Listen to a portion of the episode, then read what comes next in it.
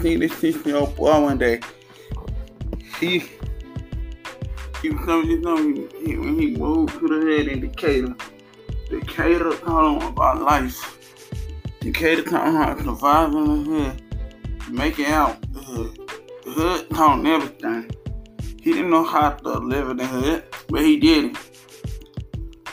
The, the way he, when, when this boy in the hood, he never thought he was gonna make it to the age of 15. He didn't think he was gonna make it to the age of 10. I don't know, he, but he did it. He kept his head high.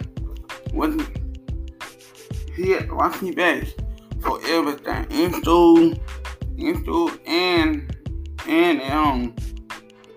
And people look at this, look at this, look at the boy now. People, people look at him and and, he watched everything was going on. He can't close his eyes for a minute while he's thinking something gonna happen. This boy, he don't know what love is, pain is. He lost too many people growing up. And people to him, talking to him, he he he tried everything in life. He tried to do his best and everything. Cause he know how to streets live. His mama moved on out the moved on out the hood at 15. Before his mama moved on out the hood, he, he was sleeping lean. Sleeping lean seven days a week. When he moved out hood, he learned to stop. Caught himself. When he made it to 15, he, he never believed he could have made it.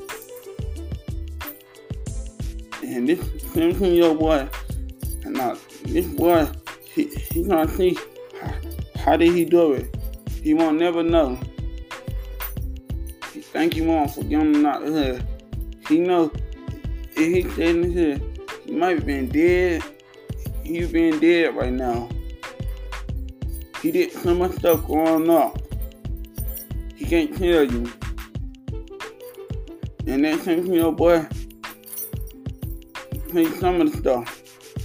The parties this, this boy was going to were crazy. He started drinking at age at age seven. Nobody, the, the streets, Stu, he had stabbings. He never tried to help him. But stabbing can't help him with his problem. His problem's so deep. He's trying to a stabbing can't he can't even to nobody. Tell nobody about his real problems. He don't know if they after him or something. They might be out there on something. He, he can't trust them like that. And the way I talk, the way he talk, the way he move, he might he might look like he is a friendly person. He's a quiet person. The reason this was a quiet person, cause the stuff he's seen growing up. The reason he don't speak talk, speak to everybody, cause he don't know who after him, who trying to get on another. He didn't live life. He seen stuff as a kid. He seen his first murder, age seven. Seen somebody shot somebody. And remember, he became your boy at the moment why why that boy got shot. He wanted it. He didn't know. He didn't know how. Why? He said, he said that, boy, you need, only, only thing I want you to do is to make out the hood and be somebody. I lost so many people growing up. Not, and they came from your boy, that boy, somebody, it me, it's Deion Atkins.